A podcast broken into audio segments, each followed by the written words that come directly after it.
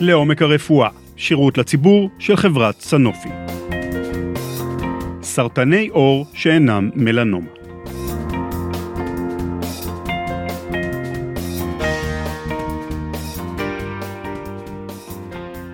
סרטני עור שאינם מלנומה. תודו שזה שם לא שגרתי לפרק.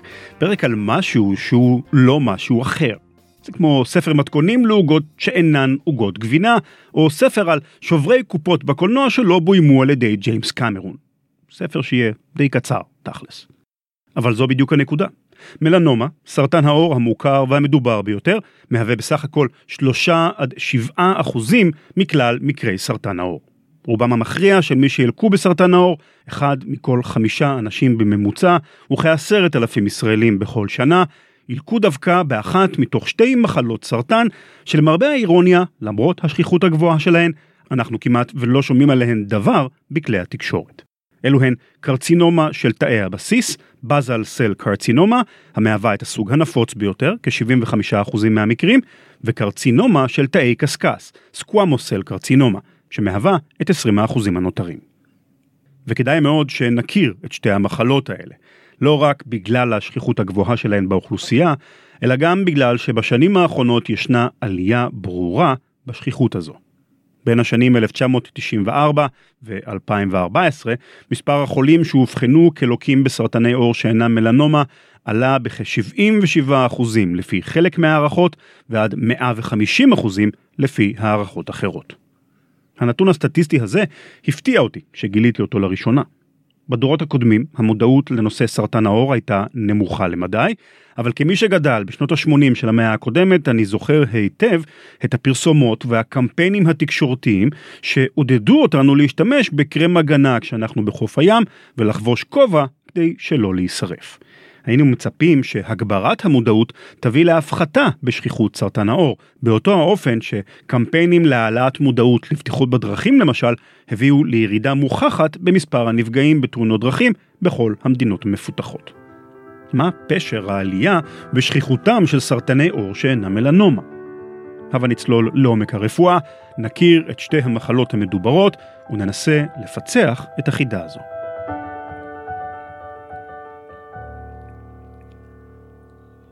בדרך כלל הגידול הזה מתחיל כאיזשהו פצע, כאיזשהו נגע בעור שלא חולף, ויכול גם לגדול אה, לאורך הזמן. הנגע הזה נראה בצורה אופיינית כלשהי? הוא יכול להיות איזשהו רובד אדמדם, הוא יכול להיות רובד אדמדם עם איזשהו קשקש, הוא יכול לצמוח כלפי חוץ וליצור מין קשר כזה, מין אה, בליטה, מין גוש שמתבלט. לפעמים הוא עובר התקייבות כשהוא גדל. ואז הוא יכול גם uh, להפריש ולדמם. זאת אומרת הוא נראה שונה ויזואלית משומה על העור, ש... נקודת חן רגילה. הוא לא, בדרך כלל לא נראה כנקודת חן. נקודת חן בדרך כלל uh, uh, מתקשרת יותר למלנומות. המלנומות הם נגעים פיגמנטריים, נגעים בעלי צבע בדרך כלל, לרוב. הסקוואמוסל קרצינומה לא נראה כנקודת חן, הוא נראה יותר כאיזשהו נגע על פני העור, איזשהו פצע זו דוקטור אורית גוטפלד, מומחית באונקולוגיה ומנהלת המכון לרדיותרפיה בבית החולים איכילוב, שתלווה אותנו בפרק. מבחינה חזותית, מסבירה דוקטור גוטפלד, הנגעים של קרצינומת תאי קשקש וקרצינומת תאי בסיס נראים דומים מאוד זה לזה.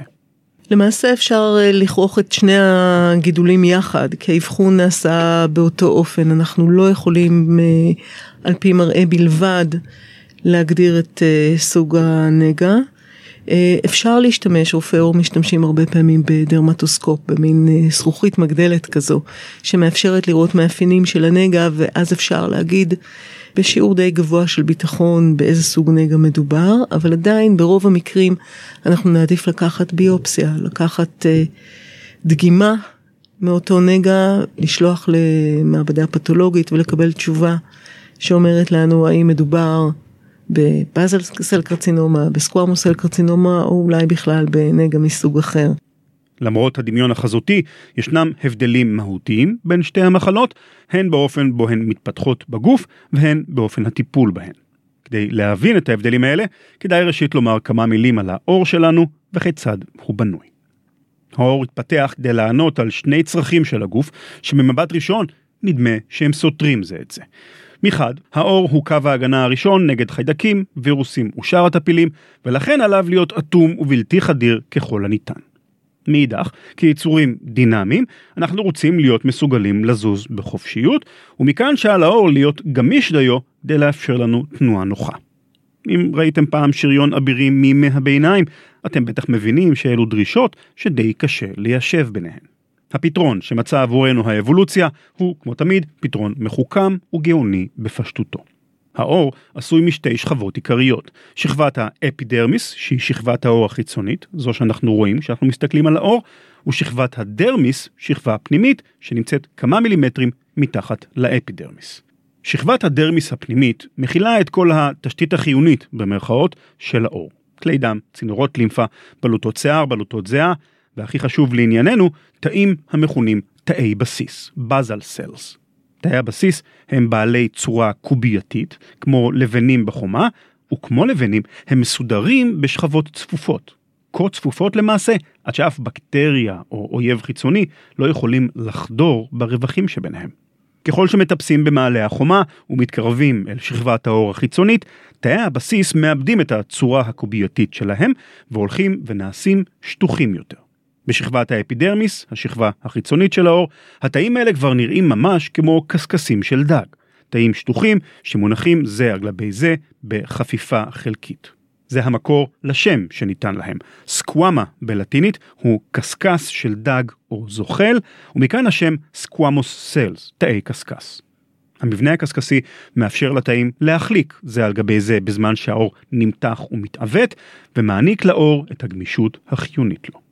בנוסף, תאי הקשקש מייצרים גם חלבון בשם קריאטין, שהוא אותו חומר קשיח ממנו עשויים גם השיער והציפורניים, קשיחות שתורמת ליכולת ההגנה של האור מפני אויבים חיצוניים.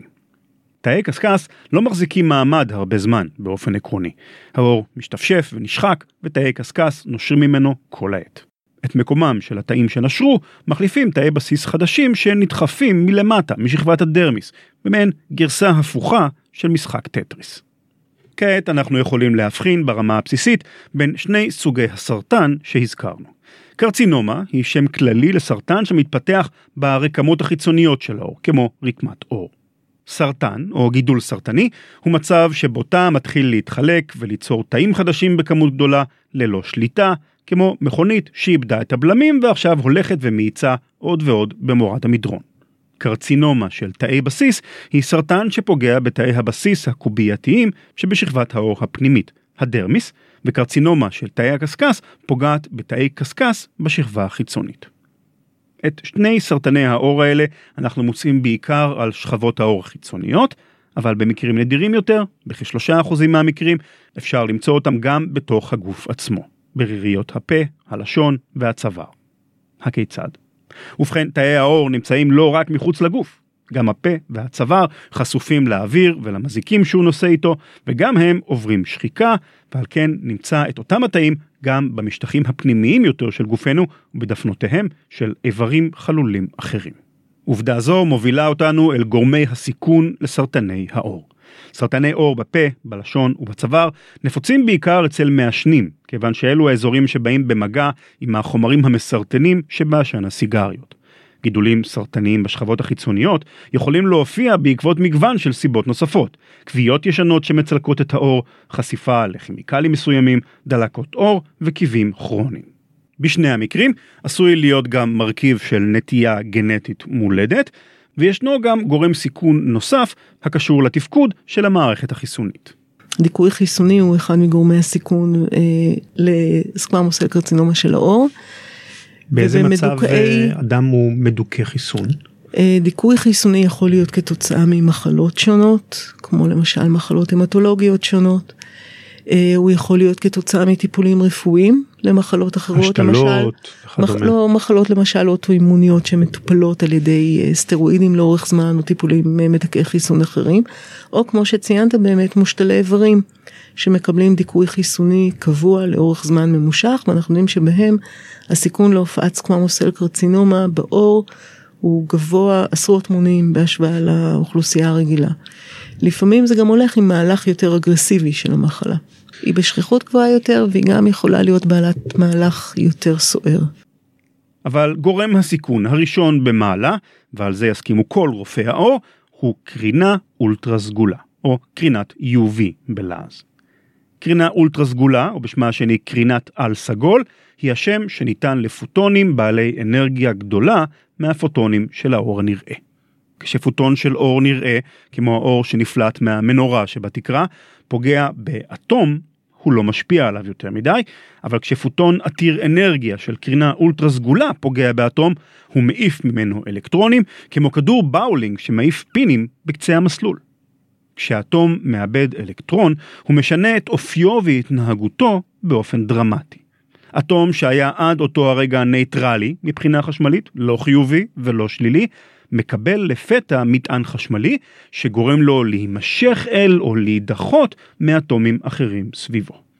המנגנונים המורכבים של התא תלויים מאוד באיזון עדין בין כוחות משיכה ודחייה של אטומים, ואטום סורר שכזה, אם הוא נמצא במקום הלא נכון בזמן הלא נכון, יכול לגרום לתקלות רציניות, כאילו זרקנו אבן לתוך גלגלי שיניים של מנגנון שעון עתיק. ולא מדובר באירוע נדיר, ההפך הוא הנכון. בכל שנייה ושנייה סופגים תאי האור שלנו כ-50 עד 100 פוטונים של קרינה אולטרה סגולה. כ-80 אלף אבנים שנזרקות באקראי בכל שעה לתוך המנגנונים הסופר מורכבים של התאים. כשמבינים את היקף הנזק שתאי האור סופגים בכל רגע נתון, אפשר גם להעריך את היעילות המדהימה של מנגנוני התיקון והבקרה של התאים שלנו, שמצליחים להתמודד עם אלפי תקלות אקראיות במהלך חיי התא, ועדיין, ברוב המכריע של המקרים, לבצע את תפקידם ביעילות מרשימה. אם רק המחשבים או המכוניות שלנו היו עמידים כל כך לתקלות. אבל פה ושם גורמת הקרינה האולטרה סגולה לתקלות חמורות במיוחד. למשל, כשפוטון כזה פוגע בסולם הלולייני של ה-DNA, החומר הגנטי שבגרעין התא, הוא עשוי לשבור אותו. ה-DNA הוא גלגל שיניים קריטי במיוחד במנגנון המורכב של התא. זהו ספר ההוראות, במרכאות, שמכתיב את כל ההתנהלות הכללית של התא החי. גם במקרה הזה, התאים מפעילים מנגנונים מתוחכמים שמזהים נזק ל-DNA ומתקנים אותו, לעיתים עד כדי החלפה של פיסות שלמות של DNA, פעולה שאפשר להשוות אותה להחלפת גלגל במכונית תוך כדי נסיעה בכביש הראשי במהירות של 100 קמ"ש. אבל מדי פעם בפעם, אחת מכל אותן אינספור תקלות אקראיות ב-DNA עלולה לגרום לנזק כל כך חמור עד שאי אפשר לתקן אותו.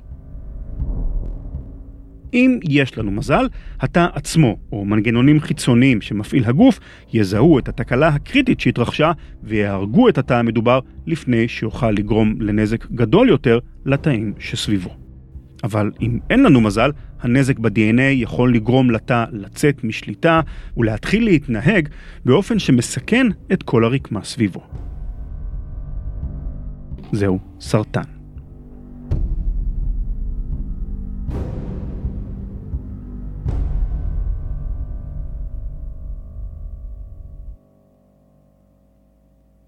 הנזק שגורמת הקרינה האולטרה סגולה מסביר לנו מדוע רובם המכריע של הגידולים הסרטניים בעור מופיעים באזור הראש, הגב העליון והכתפיים, האזורים שבאופן טבעי חשופים יותר לשמש.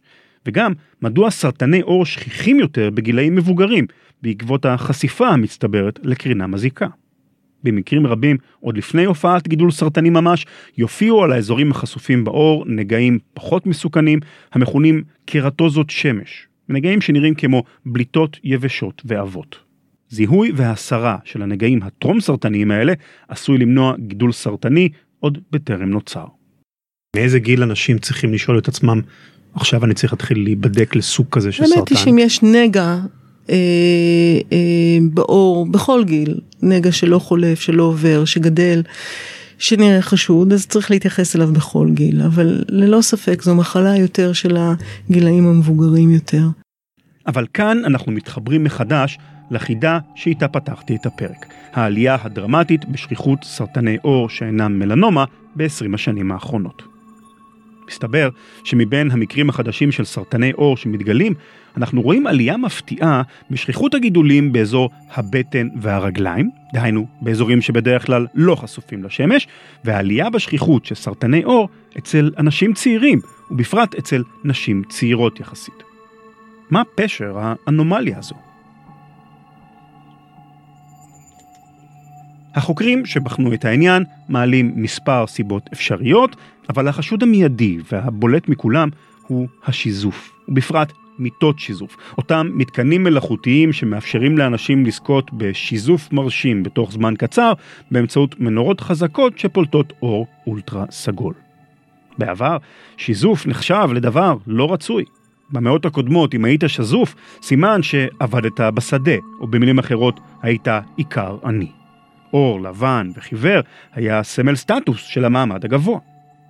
בעשרות השנים האחרונות, עם זאת, התחלפה המגמה, וכעת אור שזוף הפך לסמל סטטוס. אולי מכיוון שאם אתה שזוף, זה סימן שכרגע חזרת מחופשה יוקרתית באיזה אי טרופי. התוצאה היא עלייה ברורה במספר האנשים שרוצים להשתזף, באופן טבעי בחוף, או באופן מלאכותי במיטות שיזוף. שיזוף הוא אויב מסוכן ומתעתע. הוא לא גורם לסרטן מיד, אפילו אם השתזפת יותר מדי וקיבלת כוויה כואבת. הנזק המצטבר שגורם השיזוף יבוא לידי ביטוי ויגרום לסרטן רק זמן רב, לעתים שנים רבות אחרי המעשה. זו ככל הנראה הסיבה לעלייה בשכיחות סרטני העור בשנים האחרונות.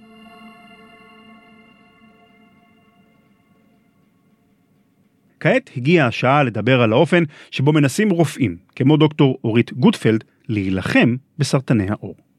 רוב האנשים אומרים שחשבנו שזה סתם איזשהו פצע, אבל פתאום גילינו שהוא לא חולף ושהוא גדל והוא שם כדי להישאר, ואז הם פונים אה, אה, לבירור. הרבה פעמים זה נגע שהוא באזור הפנים, ואז הוא מטריד והוא מפריע, ופונים אה, ל...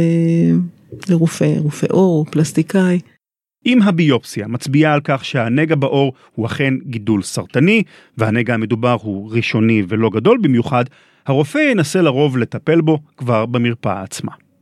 בדרך כלל הטיפול הוא טיפול מקומי פשוט. אה, בנגעים מאוד שטחיים אפשר אפילו לעשות אה, טיפול על ידי צריבה, יש שיטות צריבה שונות. על ידי חנקן נוזלי למשל, זו פרוצדורה שרופא העור עושה במרפאה. אה, יש אפילו טיפול על ידי משחה.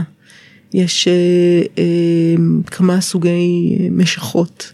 יש משחה שהיא בעצם כימותרפיה בצורה של משחה ומורחים את זה על הנגע ובמרבית המקרים הוא ייעלם. אה, ויש אה, סוגים אחרים של משחות שמפעילים את המערכת החיסונית מקומית כדי להילחם בגידול וגם זה מצליח לעיתים קרובות זה כשמדובר בנגעים שטחיים מאוד התחלתיים מאוד אפשר בהחלט להסתפק בטיפול מקומי. אם הנגע גדול מדי או אם הצריבה והמשחות לא עושות את העבודה משום מה הפתרון הבא יהיה הסרה כירורגית של הנגע. ברוב המקרים הטיפול יהיה כירורגי על ידי כירורגיה פשוטה שמסירה את הנגע אה, כריתה של הנגע. אה, במקרים שהנגע משמעותי יותר או נמצא למשל באזור הפנים, עושים ניתוחים קצת יותר מתוחכמים, קצת יותר, אה, אולי הרבה יותר בעצם. הרעיון ב, בכל ניתוח אונקולוגי הוא להסיר את הנגע הממאיר בשלמותו, ועם איזה שהם שוליים של רקמה בריאה מסביב. זאת אומרת, אתה לא רוצה אה, לנתח ולגלות שבעצם אה, שולי הניתוח עוברים דרך גידול, כי אז המחשבה היא שחלק נשאר בגוף החולה. הכוונה היא לנתח עם שוליים של רקמה בריאה ולהוציא את הנגע בשלמותו. אז על מנת שהניתוח לא ישאיר אה, איזשהו פגם אסתטי, אה, צלקת מכוערת צלקת מאוד, צלקת מכוערת כן. באזור הפנים, אנחנו רוצים שהשוליים האלה לא יהיו מאוד מאוד גדולים. אז יש ניתוח שנקרא ניתוח מוס או מיקרוגרפיק סרג'רי. שבו בעצם תוך כדי ניתוח ממפים תחת מיקרוסקופ את אה, שולי הכריתה, וכך אפשר לקחת שוליים באמת, אה, את השוליים המינימליים האפשריים. מה זאת אומרת תוך כדי את הניתוח? תוך כדי הניתוח יש בקרה של פתולוג או של הכירורג עצמו שמסתכל על רקמה שהוא הוציא תחת המיקרוסקופ ומוודא ששולי הניתוח נקיים. זאת אומרת... ואם הם לא נקיים הוא חוזר, החולה עדיין נמצא שם וחוזרים לסבב נוסף ומסירים שכבה נוספת. ורק לאחר שמוודאים שבאמת הכל הוסר בשוליים נקיים, סוגרים. ברובם המכריע של המקרים, הכריתה הכירורגית היא פתרון יעיל שמונע מהמחלה להתפתח. אבל אם מזניחים את הטיפול בנגע ונותנים לו להמשיך ולהתפתח ללא הפרעה, כאן מתחילות הבעיות. נחלק את הדיון לשניים. ראשית, נדבר על קרצינומה של תאי קשקש, סקוואמוס סל קרצינומה, שהיא כזכור המחלה הפחות שכיחה מבין השתיים, אבל גם המסוכנת יותר. ברוב הפעמים המהלך של מחלה הוא מאוד מאוד אה, איטי. והנגעים האלה גדלים לאט לאורך זמן, לרוב הם לא... מה קבועי הזמן שאנחנו מדברים עליהם כשמדברים על איטי? חודשים, שבועות, חודשים שנים? שנים. שנים. שנים. מהמם. אז הנגעים הללו, אם מזניחים אותם לאורך הרבה זמן, יהיו כאלה שיגדלו, אה, אה, יעמיקו, אה, ואולי אפילו ישלחו גרורות. אה, עיקר הגרורות הם לקשרי לימפה אזוריים, והיות שמרבית הגידולים, בערך 85% מהגידולים הללו יופיעו באזור הפנים, באזור ראש צוואר, אנחנו הרבה פעמים פוגשים את הגרורות הללו באזור הצוואר, קשרי לימפה מוגדלים מעורבים בצוואר, או בבלוטות הרוק שנמצאות קדמית לאוזניים, בלוטות הפרוטיד. בתוך הבלוטות הללו נמצאים קשרי לימפה שמנקזים את עור הפנים, והרבה פעמים הסימן יהיה איזשהו גוש או נפיחות שמופיעים באזור הפרוטיד, וזאת בעצם תהיה גרורה בקשר הלימפה של אותו גידול שהוזנח. גרורה, נסביר, היא גידול סרטני משני שנוצר כשתאים סרטניים מהגידול הראשוני מצליחים לחדור דרך רקמות אחרות, למשל לחדור את דופן כלי הדם או צינור לימפה ולנוע בתוך הגוף עד שהם מתיישבים על איבר מרוחק יותר, שם הם ממשיכים להתחלק ולשגשג. הגרורות הן שהופכות את הסרטן במקרים רבים למחלה קטלנית, כשהנזק שגורמת החלוקה הלא מבוקרת של התאים הסרטניים מתחיל לפגוע במערכות שונות ומגוונות של הגוף עד שהוא מכריע אותו. בהיעדר טיפול או בגידולים שהם בעלי מהלך יותר סוער אנחנו כן פוגשים בעיקר גרורות בקשרי לימפה ובמקרים אחרים ששוב זה מיעוט המקרים אנחנו כן רואים גרורות גם לאיברים מרוחקים זה יכול להיות לריאות, לעצמות או לאיברים אחרים. אם הגרורות נמצאות באזור הצוואר, כמו בלוטות הרוק למשל, דוקטור גוטפלד ועמיתיה יכולים לנסות ולהשמיד אותן באמצעות הקרנה מכוונת ומרוכזת של הגידול בקרינת רנטגן. הקרינה הורגת תאים, והיא הורגת בעיקר תאים שקצב החלוקה שלהם מהיר, תאים שמתחלקים מהר. וכשנותנים טיפול בקרינה לא בעצם מעלים את הסיכון בתאים בריאים לסרטן? זו שאלה מצוינת. קרינה היא קרצינוגנית, יש לה פוטנציאל לגרום לסרטן.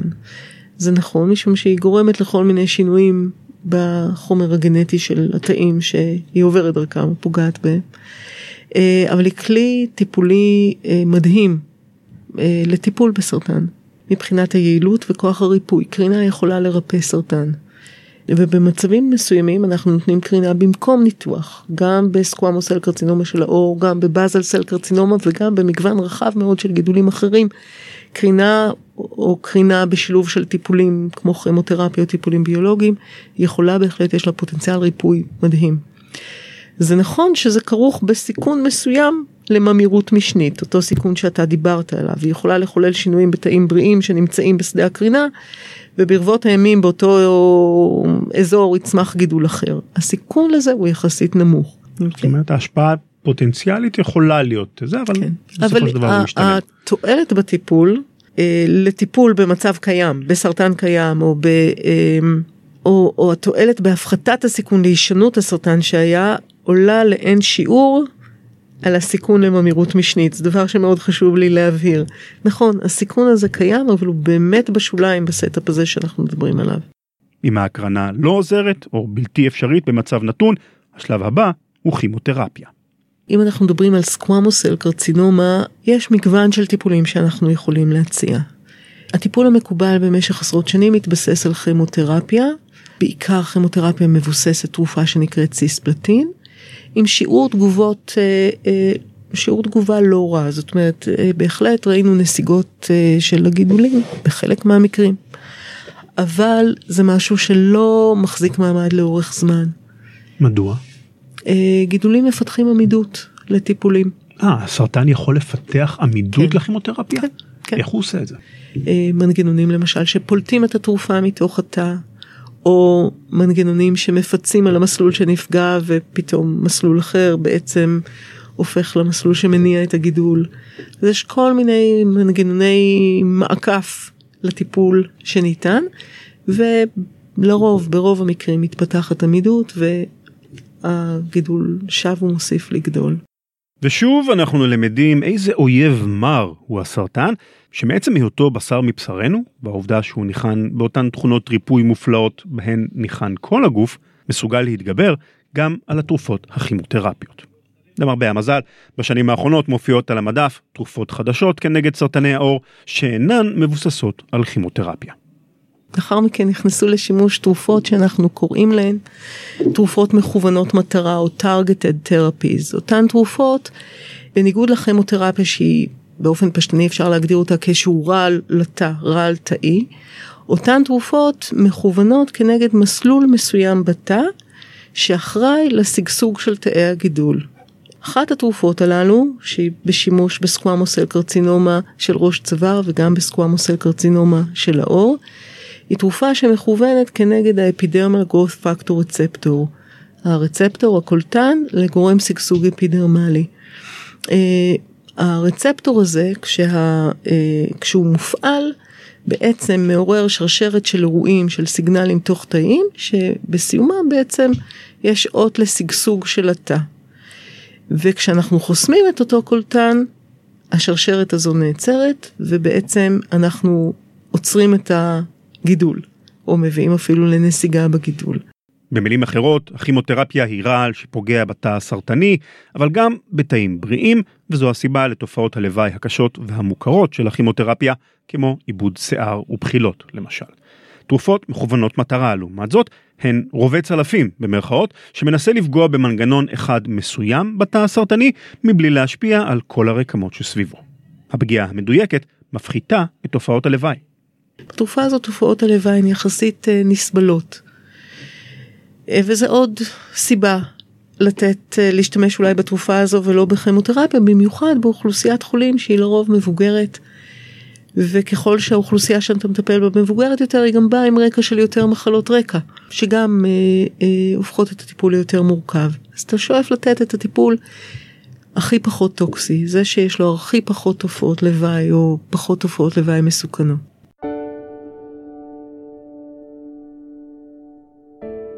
משפחה נוספת של תרופות שנכנסת לאחרונה לשימוש בסקואמוסל קרצינומה של, של העור היא המשפחה של האימונותרפיה, של התרופות האימונותרפיות. אלה תרופות שפועלות על מערכת החיסון, או יותר נכון על המפגש שבין מערכת החיסון לגידול, וגורמות למערכת החיסון לתקוף את הגידול. יש פעמים שהגידול מבטא איזשהו חלבון על פניו שבעצם מנטרל את מערכת החיסון, הוא בעצם גורם למערכת החיסון לא לראות אותו, או לא לתקוף אותו. ואותן תרופות נכנסות בדיוק למפגש הזה, וחוסמות את אותו חלבון או את אותו קולטן, ובעצם חושפות את הגידול למערכת החיסון. מסירות את בעצם הכיסוי. מסירות את העיכוב, את העיכוב של מערכת החיסון, וגורמות לה בעצם לפעול כנגד הגידול, לתקוף את הגידול. התרופות האימונותרפיות עליהן מדברת דוקטור גוטפלד הראו שיעורי תגובה טובים במיוחד באופן ספציפי בקרצינומה של תאי הקשקש. תאי הקשקש בשכבת העור העליונה הם התאים החשופים ביותר לקרינה האולטרה סגולה ולכן כפי שתיארתי קודם הם אלה שסובלים מהשיעור הגבוה ביותר של מוטציות ב-DNA. התרופות האימונותרפיות יעילות במיוחד במצבים של עומס מוטציות גבוה, וזו גם הסיבה לתגובה הטובה והממושכת שלהם בחולים בסרטן של תאי הקשקש. מה שעוד מאפיין ב, אה, במשפחה הזו של התרופות זה שהתגובה נמשכת לאורך זמן. אנחנו רואים תגובות שהן מאוד מאוד ממושכות, ויש אה, חולים שמגיבים לאורך זמן והתגובה נשמרת גם לאחר הפסקת התרופה. במלנומה יש חולים שהיו גרורתיים ואנחנו אפילו מעיזים לחשוב שהם אולי נרפאו, או לפחות יש להם רמיסיה ארוכה מאוד. ואני מתחילה לראות דוגמאות למקרים כאלה גם בסרטן עור שמטופל באימונותרפיה. יש לי אמנם מקרים בודדים, אבל אנחנו רואים בהחלט כש, כשיש תגובה, היא בדרך כלל נשמרת לאורך זמן רב, וזה הבשורה.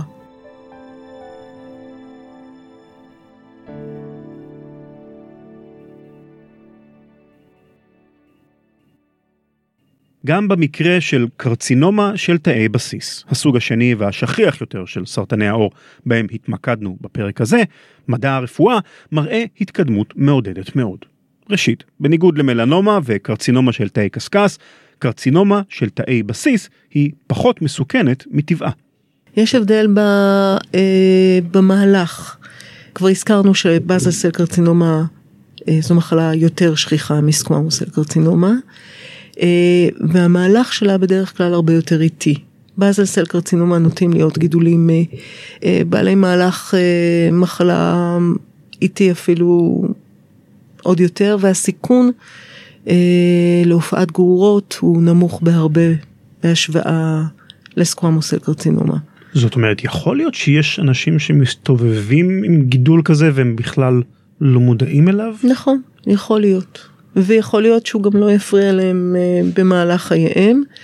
ובמרפאה אנחנו לפעמים פוגשים אנשים עם באזל סל קרצינומה שנמצא באיזשהו מקום אה, ככה בעייתי מבחינה אסתטית והם נורא לא רוצים לגעת בו ואם זה משהו מאוד קטן שלא משתנה והוא יציב לאורך זמן. בדרך כלל באנשים אה, מבוגרים אנחנו לא תמיד מתערבים לפעמים אנחנו עוקבים. אין פה איזשהו איום על החיים ברוב המכריע המכריע של המקרים. ו... לעומת סקוואמוס קרצינומה שאם מזניחים אותו לאורך זמן בהחלט יכול להיות אה, אה, להפוך למחלה מסכנת חיים. במקרים נדירים בהם קרצינומת תאי בסיס הופכת בכל זאת לגרורתית ומסוכנת, המדע המודרני מתחיל להציע לנו פתרונות. אז כמו שאמרנו בתחילת הדברים, רוב הבאזל סל קרצינומה לא, לא ממש אה, מאיימים על החיים ולא ממש אה, מהווים איזושהי סכנה, אבל מקצתם יכולים להוות בעיה מקומית מאוד קשה. גידולים שעקשניים וחוזרים ולא מרפים והם לפעמים יכולים להיות גם במיקום שהוא בעייתי מאוד. אה, ויש מקרים נדירים של באזל סל קרצינומה שהופך לגרורתי, שמתפזר ושולח גרורות, באמת מקרים נדירים, אבל הם קיימים. עד לא מזמן לא היה לנו מה להציע למטופלים הללו, אבל גם בשנים האחרונות אה, אה, יש לנו שתי תרופות מאותה משפחה שמראות יעילות מאוד מאוד יפה ואנחנו רואים מטופלים שבהחלט מפיקים הרבה תועלת מהטיפול בהן. המשפחה הזו של התרופות אה, נכנסת למשפחה של targeted therapies, אותם טיפולים מכווני מטרה, והתרופות הללו מכוונות למסלול שנקרא מסלול הקיפוד, hedgehog pathway. מסלול הקיפוד הוא שמו של מנגנון שמשחק תפקיד חשוב בתאים, בעיקר בזמן ההתפתחות של עובר. סדרה של אותות שעוברים בין תאים בגוף המתפתח ועוזרים לתאים להתמיין כל אחד לאיבר שהוא עתיד להיות חלק ממנו בעתיד. בחיים הבוגרים האותות האלה חשובים לתחזוקה של הרקמות, אם כי כאן עדיין רב הנסתר על הגלוי. בכל זאת, הניסיון מראה שאם מתערבים במסלול הקיפוד, יש לכך השפעות חיוביות על התפתחותה של קרצינומת תאי בסיס. לתרופות המכוונות להתערבות במסלול הקיפוד אין הרבה תופעות לוואי, בטח ובטח ביחס לתופעות הלוואי של כימותרפיה למשל, אבל פה ושם יש להן השפעה על חיי המטופלים, כמו למשל הפרעה מסוימת בחוש הטעם. שיבוש חוש הטעם קשה למרבית האנשים ורוב האנשים לא יכולים לסבול אותו לאורך זמן. חלק גדול מהמטופלים אחרי ארבעה, חמישה, שישה חודשים רוצים הפסקה מטיפול, בגלל הפגיעה הזו בחוש הטעם. שלנו נשמעת כזה פינוק, אבל מסתבר שזה בכלל לא. טעם הוא כנראה דבר מאוד מאוד חשוב. מעניין. הוא חוש כנראה שאי לא אפשר לוותר עליו. כמה הוא חשוב. נכון, עד שהוא עד שהוא מאבדים אותו. בדיוק. לסיכום, אין ספק שמלנומה היא מבין סוגי הסרטן המסוכנים והקטלניים ביותר, ומכאן גם תשומת הלב הרבה לזוכה המחלה. אבל מבין סרטני העור, המלנומה היא רק שלישית בשכיחותה, אחרי קרצינומה של תאי קשקש וקרצינומה של תאי בסיס, וכפי שראינו, שכיחותם של סרטני העור שאינם מלנומה רק הולכת ועולה בשנים האחרונות, ומכאן שראוי לתת גם להן את תשומת הלב המתחייבת. למרבה המזל, ברובם המכריע של המקרים אפשר לטפל בקרצינומות ביעילות רבה, אבל זה בתנאי שלא מזניחים אותן ולא נותנים לגידול להגיע לשלב שבו נוצרות גורות מסוכנות. אם קצב ההתקדמות המדעי ימשיך כפי שהוא היום, סביר להניח שבשנים הקרובות נראה עוד ועוד תרופות חדשות, תרופות מכוונות מטרה ותרופות אימנולוגיות, שיוכלו לסייע גם במקרים הקשים ביותר. אבל עד אז, תעשו לעצמכם טובה. שימו כובע, חולצה, קרם הגנה על האזורים החשופים, ולעולם, לעולם, אל תיכנסו למיטת שיזוף.